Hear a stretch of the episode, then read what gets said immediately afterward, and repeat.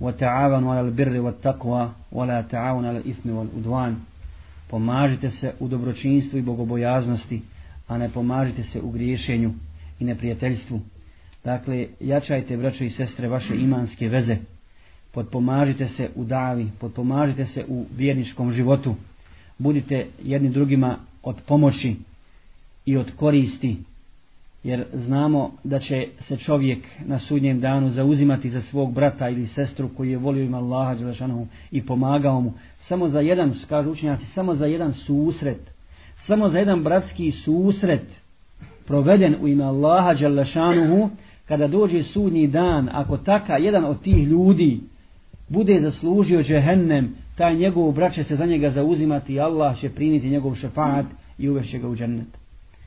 Dakle, posebno u ovom vašem okruženju u kojem živite, ne zaboravite, ne zaboravite na vaša zajednička druženja, zajednički namaz, predavanja, organizujte svoj život vjerski onoliko koliko možete, koliko možete da se što više družite ovdje u mesčidu, da djecu šaljete i da organizujete vjersku pouku za djecu.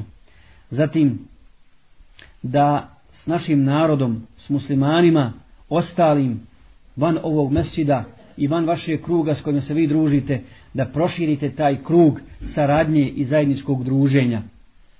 Ne smijete dozvoliti da se udaljite od naših ljudi.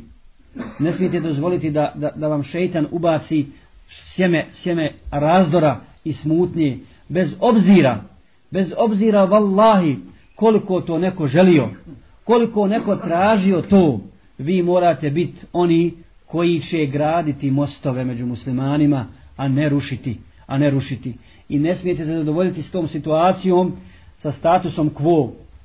Ovi imaju svoj džemat, mi imamo svoj džemat i šta nas briga? Mi smo jedan džemat, mi smo jedan džemat. Muslimani su jedan džemat i moraju biti jedan džemat.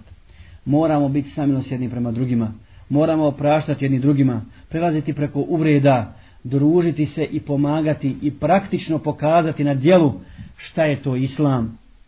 Šta je to? Jer mi nismo mi mislimo da ćemo ući u džene tek tako, lahko je se odvojiti od ljudi. Treba proći iskušenja.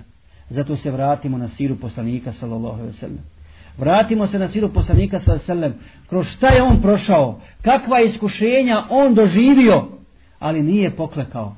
Nije. I onda kad ga je Meka odbacila i kada mu je i kada mu je Ebu Leheb lanetullahi alejhi rekao tebben leke eli hada jama'atana proklet ti bio ostatak dana, zašto si nas, zar si nas zbog ovoga skupio, kaže Abdullah ibn Zubair, nakon što je poslanik sallallahu alaihi sallam pobjedio, kad je des, nakon deset godina došao na safu, mi smo o tome govorili, pobjedonosno ušao me, kada je tako mi Allaha, niko neće biti ponižavan zbog Allahove vjere na ovakav način kako je poslanik sallam bio ponižavan, a da ga Allah neće uzvisiti i pomoći.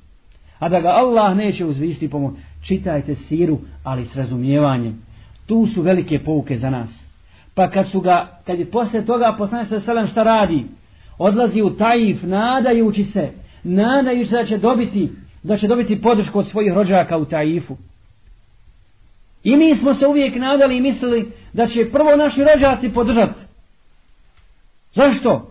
Mi, mi smo svakako muslimani, ali da će ostaviti neke džahilijetske stvari, da će se vratiti iz Koranu i Sunetu. Ne, Ne. I kad, I kad te napadaju, i kad te klevetaju i ogovaraju, nemoj ti uzračati na takav način. Biva poslanik sa strane ismijan. Čak su mu rekli, zar Allah nije imao nikog drugog da pošli osim tebe kao poslanika. I natjerali su djecu i žene i najveće ludake da ga kamenuju i da ga gađaju. Krvav se vratio iz Taifa. Krvav se vrati, ali šta kaže? Šta kaže? Gospodaru, ovo za mene ne predstavlja ništa. Meni je dobro samo ako si ti sa mnom zadovoljan. Samo ako si ti sa mnom zadovoljan, ova krv, ništa, ova iskušenja, ništa, napad na mene, pa nakon toga, psihološki rat. Nije samo napad fizički, psihološki rat, šta? Sihirbaz, epileptičar, padavičar, pjesnik, ova, nema kako ga nisu izrugivali. Jel posustao? Nije napušta Meku. Napušta Meku kada? Noću, skriva se, ali se vraća u danu, pobjedonosno, ponosno, vraća se u Meku i osvaja Meku nakon izvjesnog vremena, Allah mu daje ponos. Nikad vjernik neće biti ponižen na Allahom putom, Allah ne da ponos. I to je, neće ostati slast imana bez toga, bez tih iskušenja preko kojih Allah želi dobro svome robu. I vallahi da se sva nebesa i zemlja i svi stanovnici nebesa i zemlje okupe protiv onih koji su na istinskoj akidi, ne mogu im ništa. Ovi će biti gornji i oni će sigurno uspjeti ako to budu radili istinsko ime Allaha Đelešanu. Zatim, zatim, zatim, posle toga hijđa i opet biva proganja. I opet, je li ostavljen na miru? Ne, nego mu je čak napadnuta i čast u Medini. Napad njegova čerka, odnosno njegova žena, njegova žena Aisha radijallahu anha, majka svih vjernika je okrivljena i potvorena za ono što je potvorena. Nije ostavljena na miru poslanih sallallahu Nisu prestala iskušenja i nisu prestala iskušenja njegova do smrti. Do smrti onoga dana kada, je, kada mu je njegova čerka Fatima rekla o muke moga oca, kada je poslanik rekao prije nego što je ispustio svoju plemenitu dušu, od danas više nema muka za tvoga oca.